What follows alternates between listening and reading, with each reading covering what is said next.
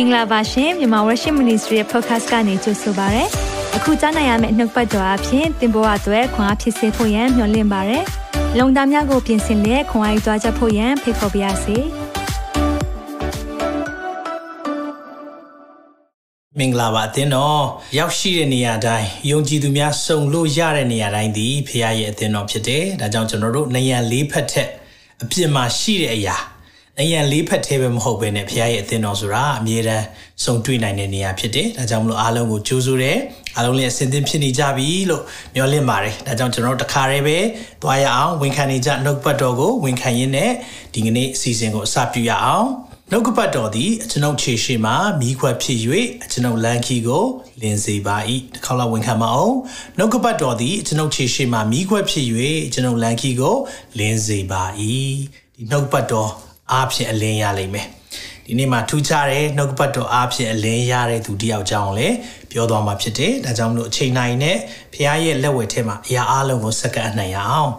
အသက်ရှင်သောဖခင်နာမတော်ကိုချီးမွမ်းပါတယ်ပို့ဆောင်ပေးတဲ့ဖခင်ကိုယေရှုတင်တယ်ဒီကနေ့မှာနှုတ်ပတ်တော်ကျွန်တော်တို့ခံယူဖို့အစဉ်သင်ရှိပါတယ်ကိုရောကျွန်တော်တို့ရဲ့နှလုံးသားမှာနေရာပေးပါတယ် ကိုရောကိုနေရာမပေးနိုင်တဲ့အရာတွေအတွက်လည်းဝင်ချတောင်းပန်ပါတယ်ကိုရောနေရာယူပါနေရာတနေရာ series ကိုကျွန်တော်တို့သွားနေတဲ့အခါမှာကိုရော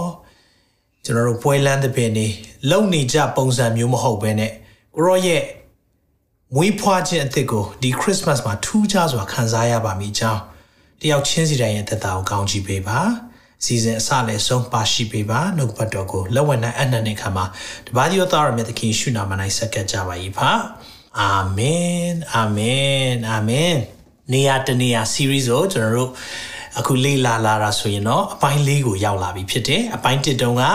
နေရာဆိုတဲ့အရာနဲ့ဆင်မမစီကခွန်အားပေးသွားတယ်ပြီးတော့အပိုင်းနှစ်မှာသိပေမဲ့လဲနော်ကျွန်တော် hero တို့ကျန်တဲ့ပုဂ္ဂိုလ်တို့ကသိပေမဲ့လဲသခင်ယေရှုမွေးဖွားမဲ့နေရာကိုသိပေမဲ့လဲမသွားကြအောင်သွားမဖူးမြော်ကြအောင်သို့တော့ပညာရှိများက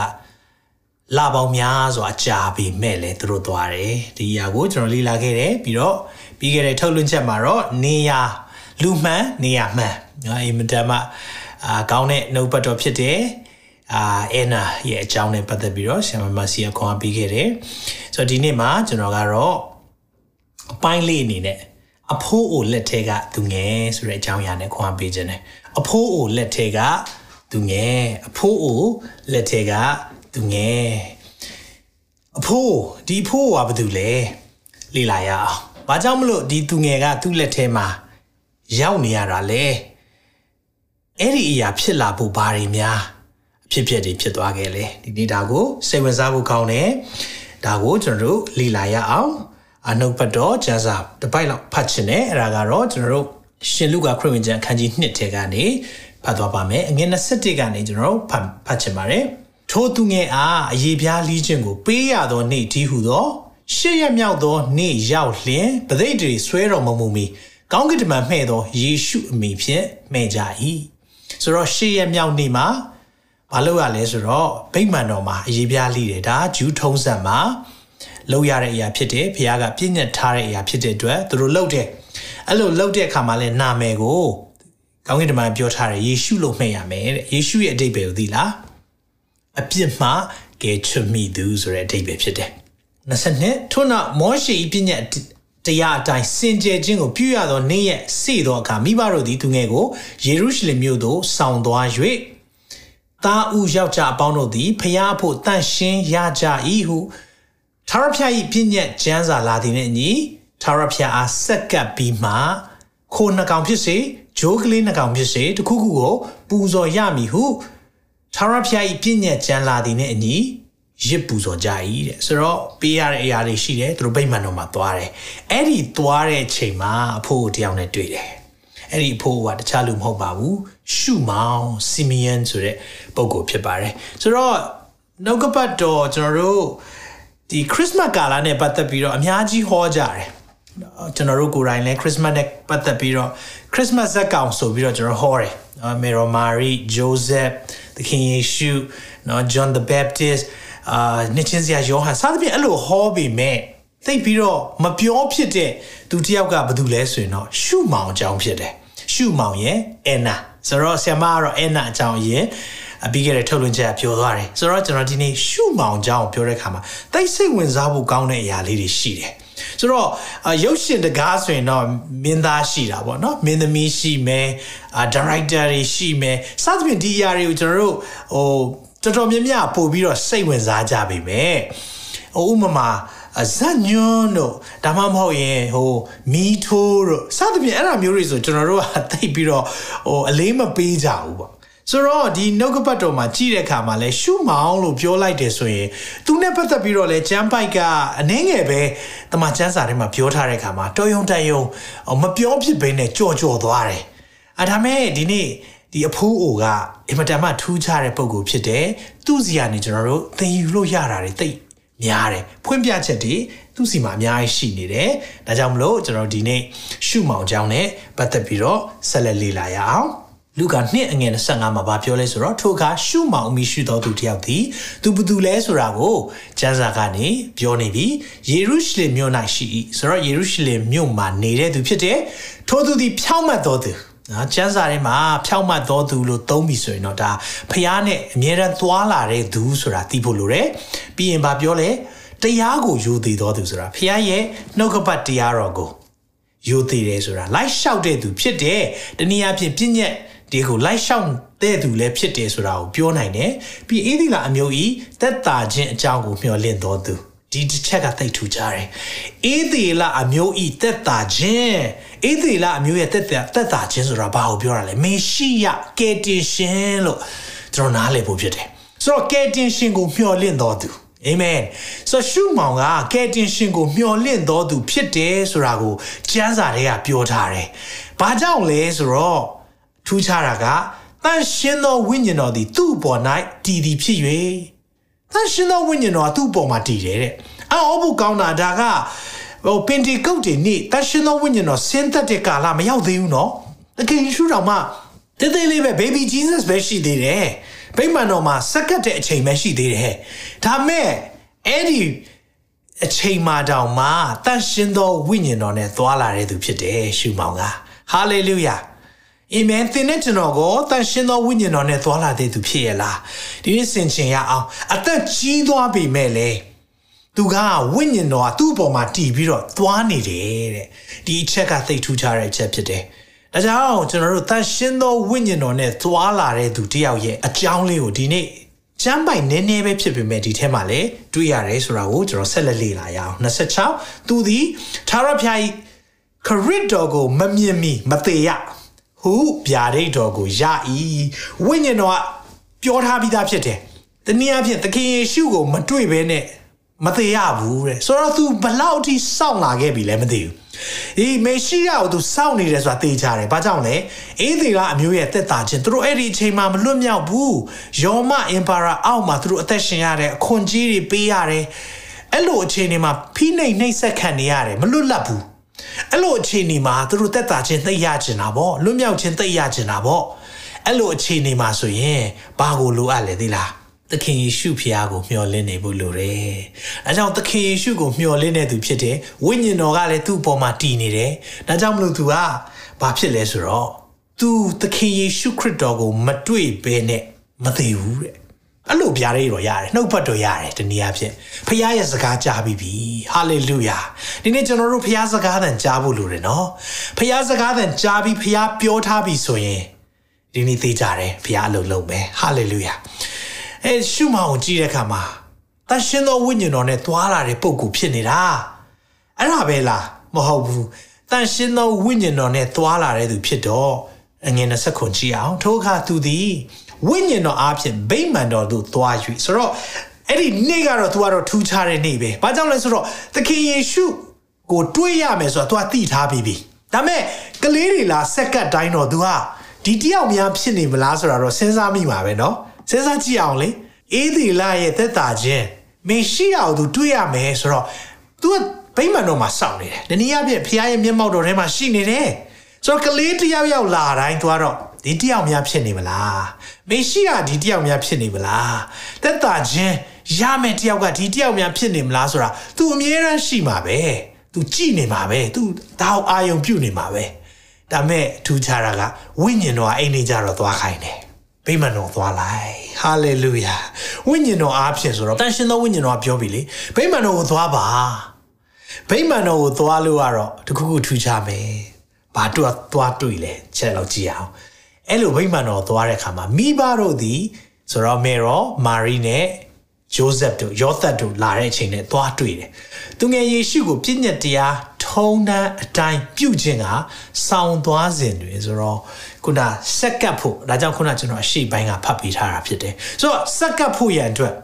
သွားတဲ့အချိန်နဲ့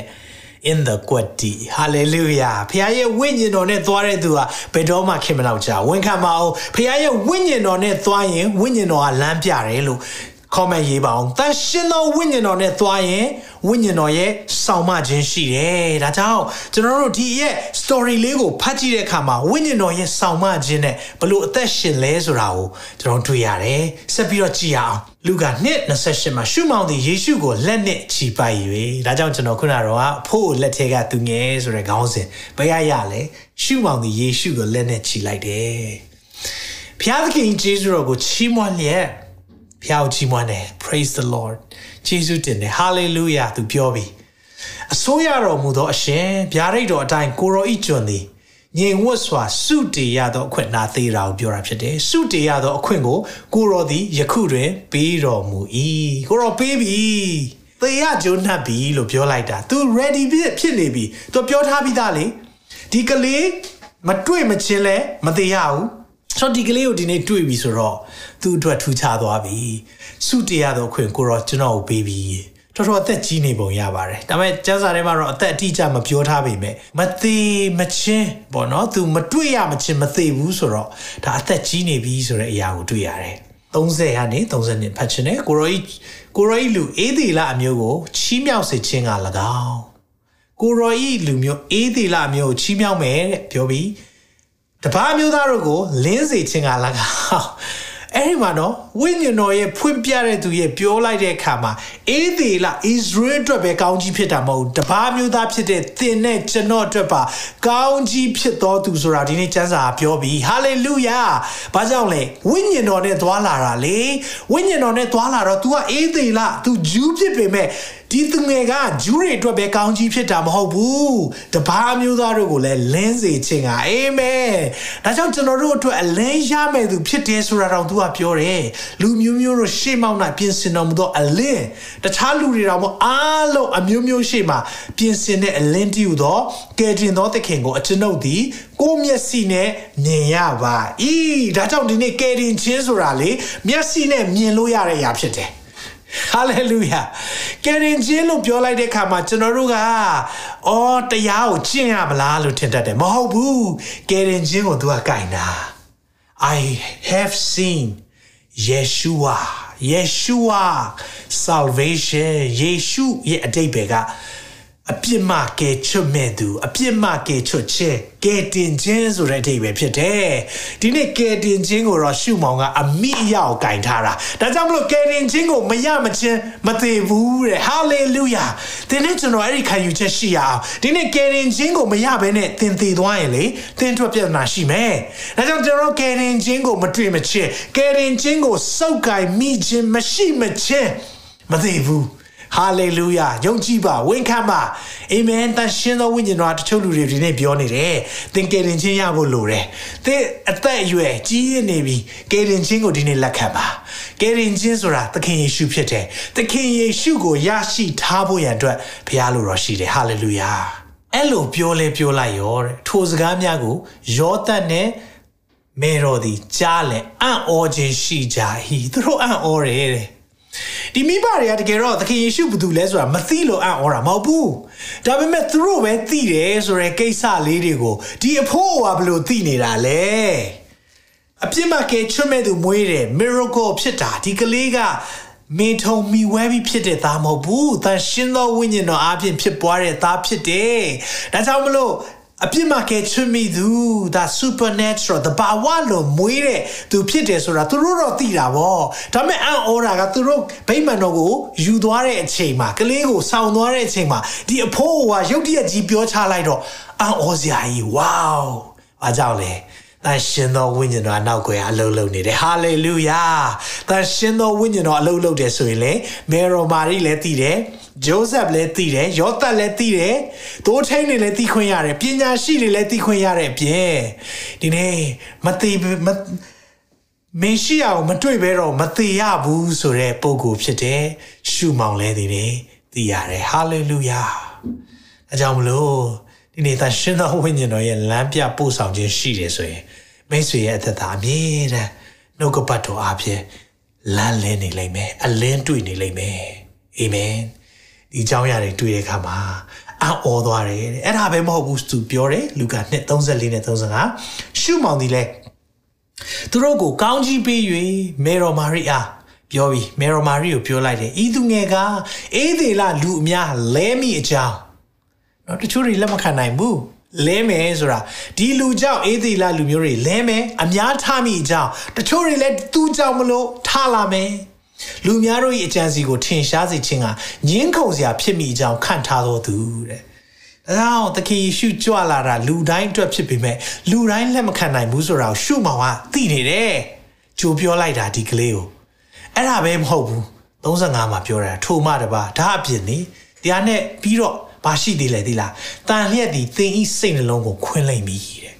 ။တန်လျက်ကားတဲ့မေရိုမာရီမင်းရဲ့စိတ်နှလုံးကိုခွင်းမယ်။ဘာကိုပြောတာလဲကာရာနီမှာအသေးခံတော့မယ်အသေးခံမဲ့ကလေးဖြစ်တယ်လက်ဝါးကားတိုင်းမှာရရဆက်ဆက်အသက်ခံရမဲ့ကလေးဖြစ်တယ်ကိုယ့်ရဲ့သားအသက်ခံရမယ်ဆိုမိဘမိခင်တယောက်ဘယ်လိုခံစားရမလဲ အဲ့ဒီအရာကိုလည်းကြိုပြီးပြောသွားတယ်။ဘာကြောင့်လဲကျွန်တော်နှုတ်ဖတ်တော်နဲ့ဒီနေ့မှာအချက်၃ချက်လေ့လာရအောင်နံပါတ်1ဒါရှင်တော်ဝိညာဉ်တော်နဲ့သွားလာပါ။ဝိညာဉ်တော်နဲ့သွားလာတဲ့သူကိုဝိညာဉ်တော်ကအမြင်မှစားတယ်။ဝိညာဉ်တော်နဲ့သွားလာဖို့ရန်အတွက်ကျွန်တော်တို့အသက်တာမှာအထူးလိုအပ်တယ်။ကျွန်တော်ဒါကြောင့်မလို့တန်ရှင်သောဝိညာဉ်တော်အကြောင်းနဲ့ပတ်သက်ပြီးတော့မကြာခဏပြောတယ်တိတ်ပြီးတော့မပြောကြအောင်အထူးသဖြင့်ဆိုရင်တော့ဒီပင်တီကုတ်တီဆိုတာကတန်ရှင်သောဝိညာဉ်တော်ဆင်းသက်တဲ့နေ့တနည်းအားဖြင့်အသင်းတော်ရဲ့မွေးနေ့ အသင်းတော်စတာပင်တီကုတ်တီနေ့မှာစတာဆိုတော့အသင်းတော်ရဲ့မွေးနေ့တောင်မှမပြောတော့ဘူးခုကအလောက်ထိဖြစ်သွားပြီဒါကြောင့်တန်ရှင်သောဝိညာဉ်တော်နဲ့ပွာလာတဲ့သူကအမြဲတမ်းခင်မိတယ်တန်ရှင်းသောဝိညာဉ်တော်နဲ့တွာလာတဲ့သူဘယ်တော့မှနောက်မကြောက်ဝိညာဉ်တော်ရဲ့ဖွင့်ပြခြင်းနဲ့အမြဲတမ်းတွာနေတယ်ဆိုတာသိရတယ်အာမင်ဒါကြောင့်မလို့တန်ရှင်းသောဝိညာဉ်တော်ကအသိပေးတာလေသူ့ကိုဘလို့အသိပေးလဲ ဝိညာဉ်တော်သူ့အပေါ်မှာရှိတဲ့ခါမှာတဲ့လူကာနဲ့26မှာသာရဖျားဤခရစ်တော်ကိုမမြင်မီမသေးရပြောလိုက်ပြီခရစ်တော်ကိုမမြင်ဘဲနဲ့တော့သေဖို့အကြောင်းမရှိဘူးတဲ့ဝိညာဉ်တော်ကသူ့ကိုစကားပြောတယ်ဝိညာဉ်တော်ကသူ့ကိုလမ်းပြတယ်ဘလို့လမ်းပြလဲဝိညာဉ်တော်ဗိမာန်တော်ကိုသွားခိုင်းတာအဲ့ဒီနေ့ကလေးတွေ့ရဖို့ရန်အတွက် तू ကတော့ကလေးတွေရှိတိုင်း dedication ပေါ့ baby dedication စက္ကတ်တိုင်းတော့ तू ဒါရင်ခုန်နေမှာပဲမေရှိယဒီတယောက်များဖြစ်နေမလားမေရှိယဒီတယောက်များဖြစ်နေမလားသူတို့ရင်ခုန်နေပေမဲ့အဲ့ဒီနေ့ကတော့တရှင်သောဝိညာဉ်တော်သွားခိုင်းတာဒါကြောင့်ဝိညာဉ်တော်ကစောင့်မတယ်ဝိညာဉ်တော်ကပို့ဆောင်တယ်အာမင်တရှင်သောဝိညာဉ်တော်ဘာလို့လဲ para Cletos ဒီအကြောင်းကိုပြောခဲ့ဘူးပြီ အတူရှောက်လန်းသူ para alongside အတူတကွဆိုတဲ့အဓိပ္ပာယ်ဖြစ်တယ် Cleto to come ရှောက်လန်းသူဒါကြောင့် para Cleto နဲ့လွတ်ပေးလိုက်မယ်။တန်ရှင်းသောဝိညာဉ်တော်လွတ်ပေးလိုက်မယ်။သခင်ယေရှုပြောတဲ့အခါမှာအဲ့ဒီ paraclito ဆိုတာတခြားလူမဟုတ်ဘူး။သင်နဲ့သင်ရဲ့ယုံကြည်ခြင်းခီးလမ်းမှာအတူတကွရှောက်လန်းပေးမယ်သူဖြစ်တယ်။ hallelujah ။အဆောင်နေနေတန်ရှင်သောဝိညာဉ်တော် Paracleto အတူလျှောက်လန်းတဲ့သူနဲ့သွားတဲ့အခါမှာလေ Hey ရှုမောင် ဒီကလေးပဲ Hey ရှုမောင်ဗိမာန်တော်ကိုသွားလိုက် Hey ရှုမောင်ဒီနေ့လေသာရဖျားရဲ့ခရစ်တော်မမြင်ရမချင်းမမသိဘူးအာမင်နဲ့နေရတွေဖွင့်ပြတယ်ဟာလေလုယာတန်ရှင်သောဝိညာဉ်တော်နာမတော်တာကြီးဘုန်းကြီးပါစေဒီနေ့ကျွန်တော်တို့ကိုအတူပါရှိတဲ့ဖျားရှိနေတယ်အာမင်ဝိညာဉ်တော်အားဖြင့်ပဲဒီကလေးသူငယ်ကဖြစ်ပွားသလို ဒီဝိညာဉ်တော်အားဖြင့်ပဲဒီကလေးဟာဘသူဖြစ်လဲဆိုတာရှုမောင်ကသိခွင့်ရတယ်အဲကြောင့်မလို့သူပြောချလိုက်တဲ့ခါမှာမေရိုမာရီတို့အံ့ဩသွားတယ် wow we didn't we didn't know anyone else know ဘသူတွေသိအောင်မလဲဆိုတော့သူတို့သိပုံမရဘူးဒါမဲ့ဝိညာဉ်တော်ကရှုမောင်ပြောထားပြီးပြီဒါကြောင့်သရှင်သောဝိညာဉ်တော်နဲ့အမြဲသွားလာပါမေရောမာရိကြုံတွေ့ရမယ့်ကိစ္စကိုတော့ကြိုပြီးတော့ပြောလိုက်တာဖြစ်တယ်အာမင်ဘာကြောင့်လဲ တစ်ကောနှစ်ထဲမှာဆိုရင်ဝိညာဉ်တော်ကဘလို့ပုံကူမျိုးဖြစ်လဲဆိုတာကိုကျွန်တော်တို့ကို ပြောပြထားတာတချို့ရှိတယ်အဲ့ဒါလေးကိုကြည့်အောင်တစ်ကောနှစ်ကိုနှစ်30ဖတ်ချင်တယ်ကျမ်းစာလာသည်နဲ့အညီဖျားသခင်ကိုချစ်တော်သူတို့ဖို့လို့ကဖျားသခင်ပြင်ဆင်တော်မူသောအရာတို့ကိုလူမျက်စိနဲ့မမြင်နားဖြင့်မကြားစိတ်နှလုံးဖြင့်မကြံစီသေးအာမင်ဖျားကအကောင်းဆုံးအရာတွေပြင်ဆင်ထားတယ်လို့ဝန်ခံပါအောင်ဖျားကကျွန်ုပ်အတွက်အကောင်းဆုံးအရာများပြင်ဆင်ထားတယ်သင်အကောင်းဆုံးလို့ထင်နေတဲ့အရာလူတွေကိုကြည့်တယ် Facebook ကြည့်တဲ့အခါမှာအားကြတဲ့အရာတွေ no မြင်ရတဲ့အရာတွေတော့မဟုတ်သေးဘူးလူမျက်စိနဲ့မမြင်နိုင်ဘူးနားနဲ့မကြားဘူးသေးဘူးစိတ်နှလုံးနဲ့တော့မှစိတ်ကူးပုံဖော်လို့မရသေးတဲ့အရာတွေဖခင်ကိုချစ်တဲ့သူတွေအတွက်ဖခင်ပြင်ဆင်ထားပေးတယ်ဟာလေလုယာဘာကြောင့်လဲထိုအရာတွေကိုဘလို့သိတာလဲဖခင်သခင်သည်မိမိဝိညာဉ်တော်အားဖြင့်ငါတို့အားဖော်ပြတော်မူ၏ဒီနေ့ရှင်ပေါလုကတော့ပြောချလိုက်တယ်ဝိညာဉ်တော်ကြောင့်ဒါတွေသိရတာနဲ့နဲတဲ့အရာတွေကိုဖွင့်ပြတယ်ဝိညာဉ်တော်သည်ဖခင်သခင်နဲ့နဲသောအရာ တိုင်အောင်ခတ်သိမ်းသောအရာတို့ကိုစစ်တော်မူ၏ဖခင်ရဲ့အတွင်းနှလုံးသားကိုတောင်သိတယ်ဆိုရင်တန်ရှင်သောဝိညာဉ်တော်နဲ့သွားရဲဆိုဝိညာဉ်တော်အမြဲတမ်းစကားပြောလိုက်မယ်အာမင်အာမင်ဖခင်ကျွန်တော်တို့အတွက်အကောင်းဆုံးအရာတွေပြင်ဆင်ထားပေးတယ်အာမင်ဒါကြောင့်မလို့သင်ဘဝအဆုံးမဟုတ်သေးဘူးသင်ရဲ့အချိန်ကုန်သွားပြီအာငါအချိန်ကဒါပဲမဟုတ်ပါဘူးဖခင်ရဲ့လမ်းပြခြင်းနဲ့ပို့ဆောင်ခြင်းရှိနေသေးတယ်ဖခင်ရဲ့ ပြင်ဆင်ထားတဲ့အရာတွေရှေ့မှာများစွာရှိနေသေးတယ်ဆိုတာကိုဒီနေ့မှာဝန်ခံပါအာမင်အာမင်သရှင်တော်ဝိညာဉ်တော်နဲ့တွာလာဖို့ရန်အတွက်ဘုရားလူတော်ရှိတယ်နံပါတ်1ချက်တွာရအောင်အဲ့ဒီအချက်ကပါလဲဆိုတော့နှုတ်ကပတ်တော်ကိုဂိုင်းဂိုင်းဆွဲထားပါနှုတ်ကပတ်တော်ဗျာဒိတ်တော်ဒါမှမဟုတ်ဘုရားရဲ့ဒီနေ့ပြောတဲ့အရာเนาะဒါကိုဂိုင်းဆွဲထားဖို့လိုတယ်ဂိုင်းဆွဲထားဖို့လိုတယ်ကျွန်တော်တို့ဘုရားစကားကြားပြီးဒါပေမဲ့တန်တရားဆိုတဲ့အရာဝင်တတ်တယ် နော်ဒါကဘာဥကရေကဖြစ်တာအာရနဲ့အေဝါကိုပြောထားတယ်လေဖခင်ကဒီအမစားနဲ့စားရနေမှာသိမယ်စားတယ်လာတယ်ဘာပြောလဲဖခင်ကဒီလိုပြောလို့လားတဲ့ဆိုတော့အမြဲတမ်းဖခင်စကားကိုစာတန်တန်တရားလုပ်ပေးတယ်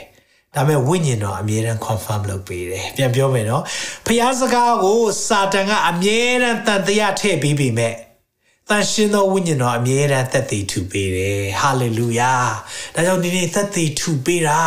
တန်ရှင်သောဝိညာဉ်တော်ဟာသက်သေထူပေးတယ်ဒါကြောင့်ရှုမောင်ကလည်းနှုတ်ကပတ်တော်ကိုင်ဆွဲထားတယ်ဖခင်စကားကြားပြီးပြီလေဘယ်လိုကြားထားလဲမေရှိယကိုမတွေ့မချင်းမသေးဘူးတဲ့မေရှိယကိုမတွေ့မချင်းမသေးဘူးဆိုတော့ तू ဟာသိထားပြီးပြီဒီရဲ့စကားကိုကင်ထားပြီးပြီရထားပြီးပြီဗျာဒိတ်တော်နဲ့ तू ဖခင်ရဲ့နှုတ်ကပတ်တော်ဆွဲကင်ထားပြီးပြီအဲ့လိုဆွဲကင်ထားတဲ့အခါမှာ ဘလောက်ပဲဆောင်ရဆောင်ရမေရှိယကိုမမြင်မဲနဲ့မသိဘူးအဲ့ဒီအသိနဲ့သူကဆောင်တာဘာကြောင့်လဲနှုတ်ကပတ်တော်ခိုင်မြဲစေတာ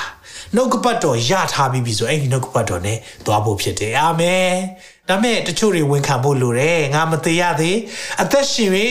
ထာဝရဘုရားရဲ့အမှုတော်ကိုကြားပြောရအောင်မီအာမင်ဒီနေ့တစ်ခါလေးမှာဘုရားရဲ့နှုတ်ကပတ်တော်လာတဲ့အခါမှာအိုး ဒီနေ့အချိန်မတန်မဲနဲ့သိဖို့မဟုတ်ဘူးအချိန်မတန်မဲနဲ့ကိုယ့်ရဲ့ဘဝဆုံးရှုံးသွားဖို့မဟုတ်ဘူးဖခင်ရဲ့အမှုတော်ဆောင်ရွက်ဖို့ရရှိသေးတယ်ဖခင်ရဲ့အမှုတော်ဖခင်ရဲ့သတင်းစကားကြားပြောဖို့ကယ်တင်ခြင်းသတင်းစကားဟောဖို့ရှိသေးတယ်ဒါကြောင့်အာမင်ဒီအရာတွေကျွန်တော်တို့ဝန်ခံပြီးတော့သွားဖို့လိုတယ်အာမင်သခင်ရဲ့ဒုတိယအချိန်ကြွလာခြင်းလဲလာတော့မယ်နော်မေရှိယကိုတွေ့ကြတယ်ရှုမောင်ကတော့မေရှိယရဲ့ပထမအချိန်ကြကြွလာခြင်းသူ သူ့လက်ထဲမှာကင်ပြီးတော့သူမြင်တယ်ကျွန်တော်တို့ရောကျွန်တော်တို့လည်းမျှော်လင့်နေတဲ့မေရှိယဒုတိယချိန်ပြန်လာတော့မယ်ချီဆောင်ခြင်းပြန်လာတော့မယ်မိတ်ဆွေတင်နဲ့ကျွန်တော် ready ဖြစ်ထားဖို့လိုတယ်အဲကြောင့်မလို့နှုတ်ကပတ်တော်တွေအပတ်တိုင်းကျွန်တော်တို့သင်ကြားပေးနေတာဘာကြောင့်လဲသင်ကိုအဲ့ဒီစိတ်နဲ့ Maranatha come quick lord ကိုရောအမြန်ပြန်လာပါကိုရောအမြန်ကြွလာပါကိုရောပြန်လာခြင်းကိုနေ့တိုင်းမျှော်လင့်နိုင်ဖို့ရန်အတွက်နှုတ်ကပတ်တော်နဲ့ကျွန်တော်သွားဖို့လိုတယ် hallelujah ဒါကြောင့်မလို့ဘေးကိုကြည်တာစိတ်ဖြစ်ရင်အထက်ကိုကြည်ပါဖွင့်ပြခြင်းရဖို့ဖွင့်ဖတ်ဖို့တော့လိုတယ်ဒါတွေဘာကြောင့်ပြောပြနေလဲမိတ်ဆွေကိုအမြဲတမ်း ready ဖြစ်စေချင်တာကျွန်တော်တို့ဟာဒီ generation ရဲ့ရှုမောင်တွေဖြစ်တယ် hallelujah ပြန်ပြောမယ်နော်ကျွန်တော်တို့ဟာဒီ generation ရဲ့ရှုမောင်တွေဖြစ်ရအောင်မေရှိယကိုမြက်ဝါးထင်ထင်မမြင်မချင်းမသေးဘူးမေရှိယကိုမြက်ဝါးထင်ထင်မမြင်မချင်းမသေးဘူးဒီ generation တွေဖြစ်ဖို့လိုတယ် hallelujah သခင်ပြန်လာတော့မယ့် sign တွေအများကြီးရှိပြီပုပ္ပနမိတ်လက္ခဏာတွေအများကြီးကျွန်တော်တို့တွေ့နေရတယ်ကျွန်တော် prophecy update တွေ sign of the time ကတ်ကာလာဤနမိတ်များဒီအစီအစဉ်တွေမှာကျွန်တော်မကြာခဏပြောပေးနေတယ်ဘာကြောင့်လဲကျွန်တော်တွေ့နေတယ်ကျွန်တော်မြင်နေရတယ်သခင်ပြန်လာမဲ့အရေးရောက်နေအများကြီးတွေ့နေရပြီသင် ready ဖြစ်ပြီလားသင်နဲ့ကျွန်တော် ready ဖြစ်ဖို့လိုတယ်အမြဲတမ်းစောင့်နေဖို့လိုတယ်ဒါကြောင့်အဲ့ဒီစောင့်နေတဲ့သူကဘယ်သူနဲ့သွားလဲဝိညာဉ်တော်နဲ့သွားတယ် hallelujah ပြီးရင်ဘယ်သူနဲ့သွားလဲဘာနဲ့သွားလဲနှုတ်ကပတ်တော်နဲ့သွားတယ်နှုတ်ကပတ်တော်နဲ့သွားတယ်ဒါကြောင့်ကျွန်တော်တို့နှုတ်ကပတ်တော်ဖခင်ရဲ့ နှုတ်ကပတ်တော်နဲ့သွားတဲ့သူတွေဖြစ်ဖို့လိုတယ်အာမင်နှုတ်ကပတ်တော်နဲ့သွားပြီဆိုရင်တော့သင်ဟာ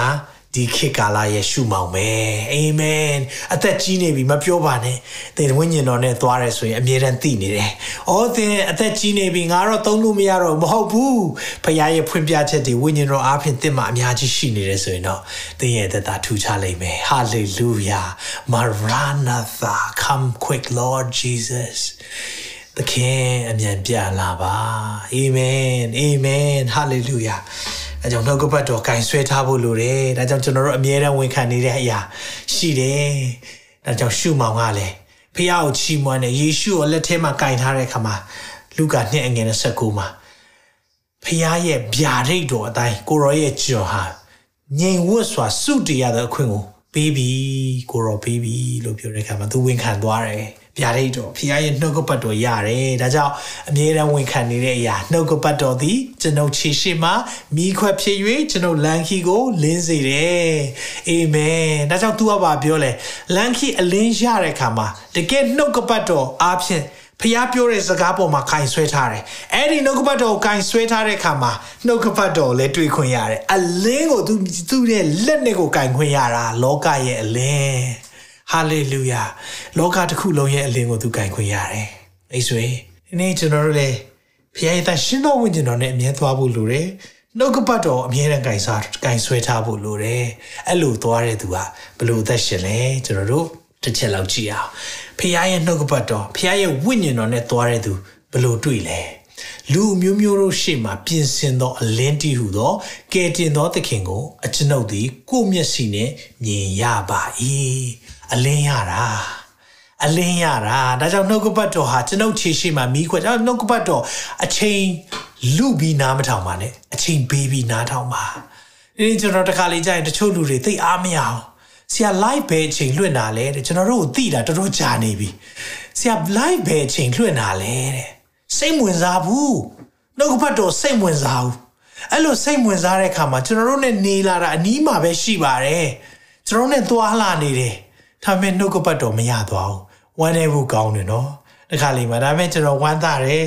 ဒီနေ့ကဘာတဝမ်းလုံးမှာအဝေးမှာရှိတဲ့သူတွေကနှုတ်ဘတ်တော်တွေရနေတယ်အလင်းတွေရနေတယ်ဟာလေလုယာဘာကြောင့်လဲလူမျိုးမျိုးရှိမှပြင်ဆင်သောအလင်းတည်ဟူသောကယ်တင်သောသခင်ကိုကျွန်ုပ်ဒီကိုမျက်စိနဲ့မြင်ရပါ၏အဲ့ဒီအရာမြင်ရမယ်အလင်းကိုမြင်ရမယ်ဆိုတာဘယ်သူကပဲပြောတာလဲနှုတ်ဘတ်တော်ကဗျာဒိတ်တော်နဲ့ပြောထားပြီးသားအာမင် ဖခင်ရဲ့ဖွင့်ပြချက်ပေါ့ဗျာဒိတ်တော်ဆိုတာဒါကြောင့်ဖွင့်ပြချက်ရဖို့ဖွင့်ဖတ်ဖို့တော့လိုတာနှုတ်ကပတ်တော်နဲ့ကင်ဆွဲထားတဲ့အခါမှာတော့အင်မတန်မှထူးခြားလိမ့်မယ်အာမင်အာမင်ဟာလေလုယာဟာလေလုယာ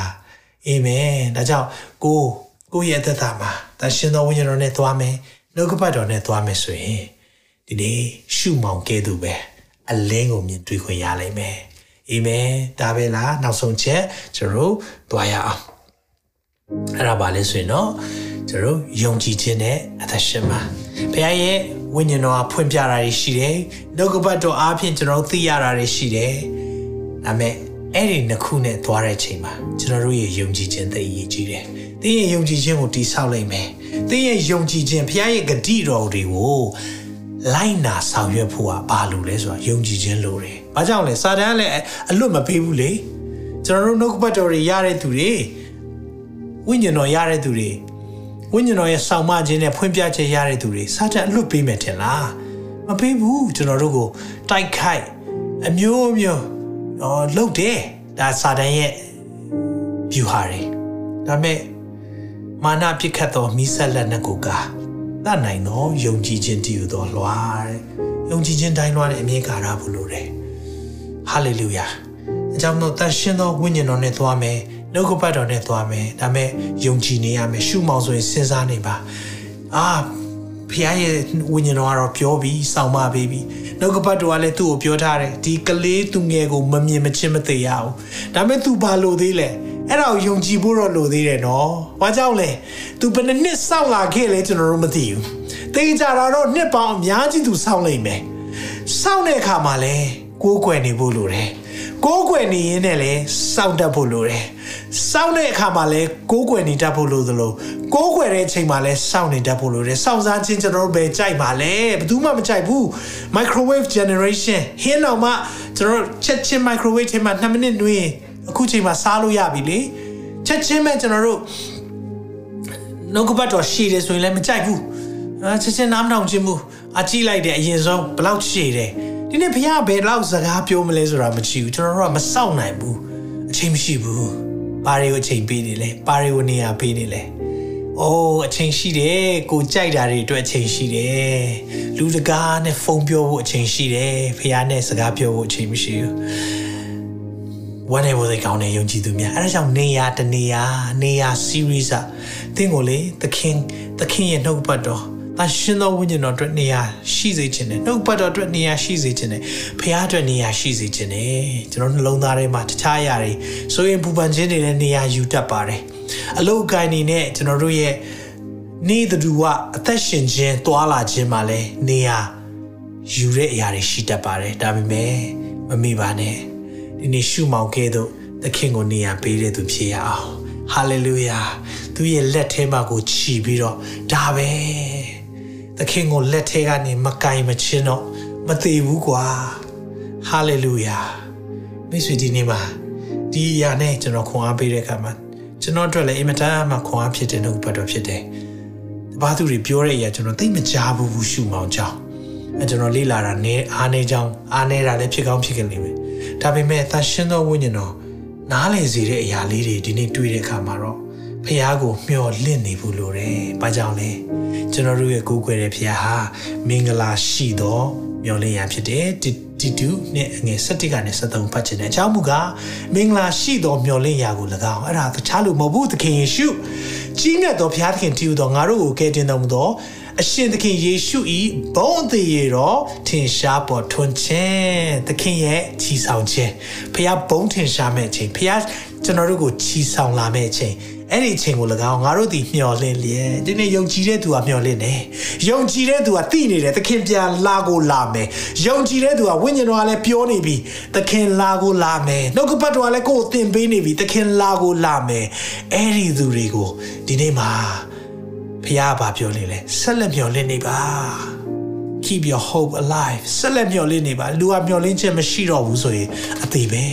သင်မျှော်လင့်ချက်ကြဆုံးသွားတဲ့နေ့ကသင်သေးတဲ့နေ့ပဲသင်ဝိညာဉ်အသက်သေးတဲ့နေ့ဖြစ်လိမ့်မယ်ဒါကြောင့်မင်္ဂလာရှိတဲ့မျှော်လင့်ရမျော်လင့်နေတဲ့သူကဘလို့အသက်ရှင်လဲအဲဒီမှာလာပြီယုံကြည်တယ်သခင်ပြန်လာမယ်ဒါကိုမျော်လင့်နေတဲ့သူအသက်ရှင်တဲ့ပုံစံဒီမှာပြောထားတယ်ဖျားမဲ့တရားမဲ့မနေဘူးတဲ့လောကီတတ်မဲ့ခြင်းကိုပယ်ရှားတယ်တဲ့ ယခုဘဝမှာအင်ဂျီစောင့်တယ်တရားသဖြင့်ကျင့်တယ်ဖျားဝင့်နိုင်မှု့လျော်ခြင်းကိုပြုနေတယ်ဒါတကယ်မျော်လင့်တဲ့သူကအဲ့လိုအသက်ရှင်တာဒါကြောင့်သခင်ပြန်လာမှာပဲဘလို့မျော်လင့်နေလဲတကယ်မျော်လင့်တဲ့သူဖျားမဲ့တရားမဲ့မနေဘူးနှုတ်ကပတ်တော်ကိုအချိန်လူပြီးနားမတောင်အချိန်ပေးပြီးနားတောင်တယ်ဖခင်ရဲ့နှုတ်ပတ်တော်နဲ့သွားတယ်။ဒါရှင်သောဝိညာဉ်တော်ရဲ့ဥဆောင်ခြင်းကိုအမြဲတမ်းလိုလားတယ်။အဲ့လိုသွားတယ်။ ငါတို့ကိုဆုံးမသွန်သင်လူပေါင်းတို့ကိုကယ်တင်တတ်သောဘုရားသခင်ယေရှုတော်သည်ထင်ရှားပေါ်ထွန်းလျက်ရှိ၏။ဒီနေ့ဘုရားရဲ့နှုတ်ပတ်တော်ကျွန်တော်တို့အမြဲတမ်းသွန်သင်ပေးနေတယ်။ဒါကြောင့်ကျွန်တော်ရဲ့အသက်တာမှာဘာလို့လဲဒီຢာလေးပြောပြီးဆုံးသတ်မယ်။ဆာလန်29ငွေ14မှာသာရဘုရားကိုမျှော်လင့်လော့။အာယူ၍ရဲရင်သောစိတ်လုံးရှိလို့ခြာရဖျားကိုမျော်လင့်လျက်နေလို့ဒီနေ့အခြေအနေတွေကဘီးပတ်ဝန်းကျင်ကြီးတဲ့အခါမှာသင်မျော်လင့်ထားသလိုဖြစ်ကောင်းဖြစ်ဖြစ်ချင်မှဖြစ်လိမ့်မယ် ဖျားကိုမျော်လင့်နေရင်တန်လန်ယုံကြည်ခြင်းအကြောင်းဟောနေရင်တန်လန်နဲ့ယုံကြည်ခြင်းကိုစမ်းစစ်တဲ့အချိန်ကြုံကောင်းကြုံလိမ့်မယ်။အော်တာယာဝပြောတဲ့နိုင်ငံဖြစ်လာဖို့ဆုတောင်းနေရင်တန်လန်နဲ့နိုင်ငံရေးလူမှုလူမှုရေးပညာရေးစီးပွားရေးအဖက်ဖက်ကချွတ်ချုံကြတဲ့အချိန်ကြုံကောင်းကြုံလိမ့်မယ်။ဒါမဲ့တင့်ကိုသိစေခြင်းနဲ့ကျွန်တော်တို့မှာမင်္ဂလာရှိတဲ့မျှော်လင့်ရာသခင်ယေရှုရှိထားတယ်။မစိုးရိမ်နဲ့ မင်္ဂလာရှိတယ်မျော်လင့်ရသင်အခုချိန်မှာဆေးရုံမှာယောဂခံစားကောင်းခံစားနေလိမ့်မယ်ဒါမဲ့မင်္ဂလာရှိသောမျှော်လင့်ရသခင်ရှိနေတယ်ဟာလေလုယာဒီနေ့ရှုမောင်ကဲ့သို့ဒီနေ့ထားရအောင်ယေရှုမောင်ကဲ့သို့အသက်ရှင်အောင် you can hold the salvation ဒီနေ့အေရင်ချင်းဆိုတာလေလက်စုပ်လက်ကင်ပြလို့ရတဲ့အရာဖြစ်တယ်ကယ်တင်ချင်းဆိုတာတရားမဟုတ်ဘူးသခင်ယေရှုကငါတရားအတိုင်းလိုက်ပါလို့မပြောဘူး ငါနောက်ကိုလိုက်ပါလို့ပြောတယ်သခင်ယေရှုကငါဟောတဲ့တရားအတိုင်းကျင့်ပါလို့မပြောဘူးငါကိုယုံကြည်ပြီးတော့ငါနောက်ကိုလိုက်ပါငါကိုလက်ဝါးကားတိုင်းကိုကိုထမ်းပြီးတော့ငါနောက်လိုက်ပါလို့ပြောတဲ့ဘုရားဖြစ်တယ်ဒါကြောင့် Christianity ခရိယန်ကတရားမဟုတ်ဘူးဖယားဖြစ်တယ်ဒီနေ့အဲ့ဒီဖယားကတင်းနဲ့ကျွန်တော်ကိုကဲတင်တယ် တင်ဒီဒီရဲ့အကြောင်းအရာကိုပထမအဦးဆုံးချိန်တင်ကြားမှုတွေကြည်မိတယ်ဆိုရင်တင်ကိုဒီနေ့မှာပြောပြချင်တယ်ယေရှုဆိုတဲ့အမိယာအပြစ်မှကယ်ချွတ်မဲ့သူကယ်တင်ရှင်ဆိုတဲ့အဓိပ္ပာယ်ယေရှုဟာ salvation ကယ်တင်ခြင်းဆိုတဲ့အဓိပ္ပာယ်ဖြစ်တယ်ဒါကြောင့်အဲ့ဒီကယ်တင်ခြင်းကိုလေရှုမောင်ကဲ့သို့ပဲတင်လက်ထဲမှာလက်စုပ်လက်ကင်အမိအယယူလို့ရတယ်။ဘာလို့ဖို့လို့လဲ။ သင်ရဲ့နှလုံးသားထဲမှာတခြားအရာတွေနေရာပေးနေတဲ့အရာတွေကိုဖယ်ပြီးတော့သခင်ခရစ်တော်ကိုသခင်ယေရှုခရစ်တော်ကိုနေရာပေးမယ်ဆိုရင်တော့သင်သက်တာမှာထူခြားလိမ့်မယ်။ဒါကြောင့်ကျွန်တော်ခဏလောက်ဆူတောင်းပေးခြင်းနဲ့သင်ရဲ့နှလုံးသားထဲမှာဘယ်အရာတွေနေရာပေးထားလဲ။လောင်းကစားလား။စားတောက်ခြင်းလား။ပျော်ပါခြင်းလား။အလောက်ကိုင်လား။ဝေကြီးလား။ဘောလုံးပွဲလားအားကစားလားပေးရတဲ့တင်နေရာပေးထားလဲလောင်ကစားလားထီလား ကြော်ကြားခြင်းနဲ့စိတ်လားဝိညာဉ်မာနလားပေးရတဲ့တင်နာနေရာပေးထားလဲဒီနေ့နေရာပေးရအောင်သခင်ကိုနေရာပေးရအောင်ဘုန်းကြီးအရှင်ယေရှုရှင်ကိုနေရာအခန်းကိုပြင်လေစိတ်နှလုံးတကားခြေစွာဖွဲအချိန်ရှိစဉ်ဝင်ရန်တောင်းပန်ဒီအချိန်ရှိနေသေးတယ်ဒီအချိန်သခင်ပြန်လာတော့မယ်နော်ဒါအားနေနေပြီ ပုပ္ပနမိတ်တွေကျွန်တော်တို့ကိုနေ့တိုင်းပြောနေပြီဒီခရစ်စမတ်ကကျွန်တော်တို့ရဲ့ခရစ်စမတ်နောက်ဆုံးခရစ်စမတ်ဖြစ်ခဲ့မယ်ဆိုရင်ရောဒီနေရာပေးထားတဲ့အရာတွေဘာတွေဖြစ်နေလဲသခင်ကိုဒီနေ့နေရာပေးအောင်ဒါကြောင့်စိတ်လုံးသားတွေမှာသခင်ယေရှုကိုပြန်လည်၍နေရာပေးအောင်သခင်ယေရှုခရစ်တော်ဖျားကျွန်တော်နောက်ကနေယေရှုပြအားလုံးလိုက်ဆိုပေးပါသခင်ယေရှုခရစ်တော်ဖျားကျွန်တော်နှလုံးသားထဲမှာကိုရောကိုနေရာပေးလိုပါတယ်။ဒါကြောင့်ဇာတိနဲ့ ဇာတိအဖြစ်အားလုံးအတွက်ဝင်ချတောင်းပန်ပါတယ်။နှလုံးသားထဲကဦးစားပေးမိတဲ့ရုပ်တုများအားလုံးကိုလည်းဒီကနေ့မှာဖယ်ရှားပါတယ်။သခင်ယေရှုဖျားကျွန်တော်နှလုံးသားထဲမှာခိုနာပါကျွန်တော်နှလုံးသားရဲ့အရှင်သခင်အဖြစ်ကိုရောကိုခုချိန်မှာလက်ခံခေါ်ဖိတ်ပါတယ်ခင်ယေရှုဖျား ခရစ်စမတ်ဟာကျွန်တော်ရဲ့အတွက်ထူးခြားသောနေ့ဖြစ်ပါစေသခင်ယေရှုနာမ၌စက္ကန့်နဲ့ဆုတောင်းပါ၏အာမင်အာမင်တင်ဒီဆုတောင်းချက်ကိုဆုတောင်းတယ်စိတ်လုံးသားတွေကနေသခင်ကိုနေရာပေးမယ်ဆိုရင်ဒီသခင်နေရာယူလာလိမ့်မယ်။တန်ရှင်သောဝိညာဉ်တော်သင်ရဲ့နှလုံးသားထဲမှာရောက်လာမယ်။သင်ကိုဆောင်မပို့ဆောင်မယ်။ရှုမောင်ကဲ့သို့ဝိညာဉ်တော်ရဲ့ဆောင်မခြင်းသင်ရဲ့တသက်မှာရှိလာမယ်။ ရှုမောင်ကဲ့သို့ဘုရားစကားပြရိတ်တော်ကိုကြိုက်ဆွဲပြီးတော့ယုံကြည်ခြင်းနဲ့အသက်ရှင်တော်သူဖြစ်ဖို့ရအတွက်ဘုရားရှင်သင်ကိုအထူးကောင်းချီးပေးပါစေ။အာမင်။ဘုရားရှင်ဒီနှုတ်ပတ်တော်တကရောကိုယေရှုတင်ပါတယ်ကျွန်တော်နှုတ်ပတ်တော်ကိုကြားတော်သူပဲမဟုတ်ဘဲနဲ့တရားကိုကြားတဲ့အခါမှာနာပြုံတော့မဟုတ်ဘဲနဲ့ကျင့်တော်သူတနည်းအားဖြင့်ဒီအရာကိုလက်တွေ့လိုက်လျှောက်တော်သူများဖြစ်ဖို့ရန်အတွက် ဝိညာဉ်တော်ဖျားတယောက်ချင်းစီတိုင်းကိုတော့ကောင်းချီးပေးပါစားပို့ဆောင်ပါသခင်ရှုနာမ၌ဆုတောင်းဆက်ကပ်ပါ၏အာမင်အာမင်သာရဖျားသည်တင်ကိုကောင်းချီးပေး၍ဆောင်မတော်မူပါစေသောသာရဖျားသည်တင်နိုင်မျက်နာတော်အလင်းကိုလွှတ်၍ဂိယူနာဂျေဇုပြုတော်မူပါစေသောသာရဖျားသည်တင်ကိုမျှော်ကြည့်၍ချမ်းသာပေးတော်မူပါစေသောဒီခရစ်စမတ်နဲ့အတူလူတွေကြံစည်ရမမိနိုင်တဲ့ဘုရားထံမှလာတဲ့ညီသက်ခြင်းများငွေကြေးနဲ့ဝယ်လို့မရတဲ့ပျော်ရွှင်ခြင်းများ လူတွေမတတ်နိုင်တဲ့ဆရာဝန်တွေမပေးနိုင်တဲ့ကျမ်းမာခြင်းများသင်နဲ့သင်မိသားစုပေါ်မှာတတက်ရောက်ပါစေလို့သခင်ယေရှုနာမ၌ဆုတောင်းကောင်းချီးပေးပါတယ်။နောက်ထုတ်လွှင့်ချက်မှာပြန်လည်ဆုံတွေ့ပါဦးမယ်နော်။အားလုံးကိုဒီနေ့ကနေနှုတ်ဆက်ပါတယ်။တင်ခုလိုနာဆင်ခွန်အားနိုင်ခြင်းဟာမြန်မာ Worship Ministry ကိုလာဆင်ပန်ပိုးနေကြတဲ့ Kingdom Partners များအကြောင်းဖြစ်ပါတယ်။ဖျားခင်နိုင်ငံတော်ကျယ်ပြန့်ရေးအတွက်လာဆင်ပေးကမ်းပောင်းဖို့ရန်ဖိတ်ခေါ်လိုပါတယ်ရှင်။